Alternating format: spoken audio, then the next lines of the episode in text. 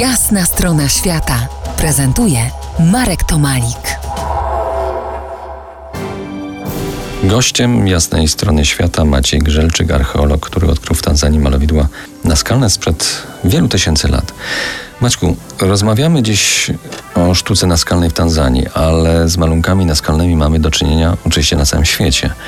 Czy poza Tanzanią oglądałeś inne dzieła tego typu w Afryce, w innych krajach? Nie, w Afryce, w Afryce nie.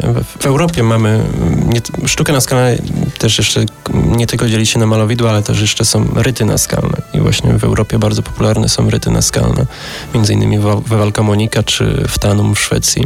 Jednak no, idea tworzenia e, sztuki naskalnej jest e, widoczna na całym świecie. Na każdym kontynencie, gdzie człowiek mieszka, to tam mamy też sztukę naskalną. W Australii jest, przynajmniej niektórzy tak twierdzą, ponad milion dzieł naskalnych. Tak. Nawet istnieje teoria, że mm, sztuka naskalna z Australii się bardzo wiąże ze, ze sztuką naskalną Sandałę z Tanzanii poprzez właśnie przedstawienia baobabów, które mamy w Afryce i mamy też e, w Australii.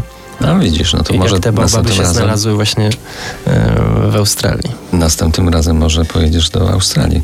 Ja te dzieła naskalne oczywiście yy, wewnętrznie uwielbiam i lubię tak wewnętrznie też sakralizować, e, długo się w nie wpatrywać.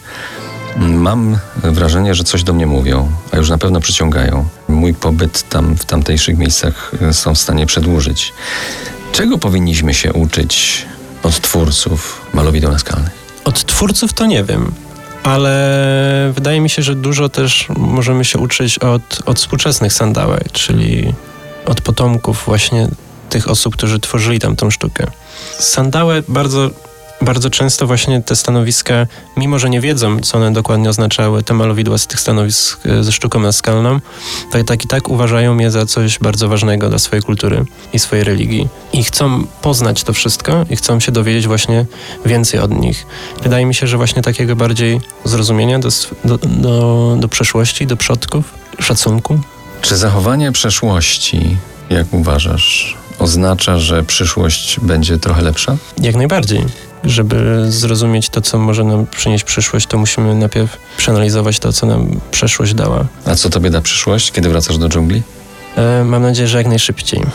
Ale jeszcze konkretnie nie jestem w stanie powiedzieć. Trzymamy kciuki. Gościem po jasnej stronie świata był Maciej Grzelczyk, archeolog, który odkrył w Tanzanii malowidło naskalne sprzed wielu tysięcy lat. Bardzo Ci dziękuję. Dziękuję.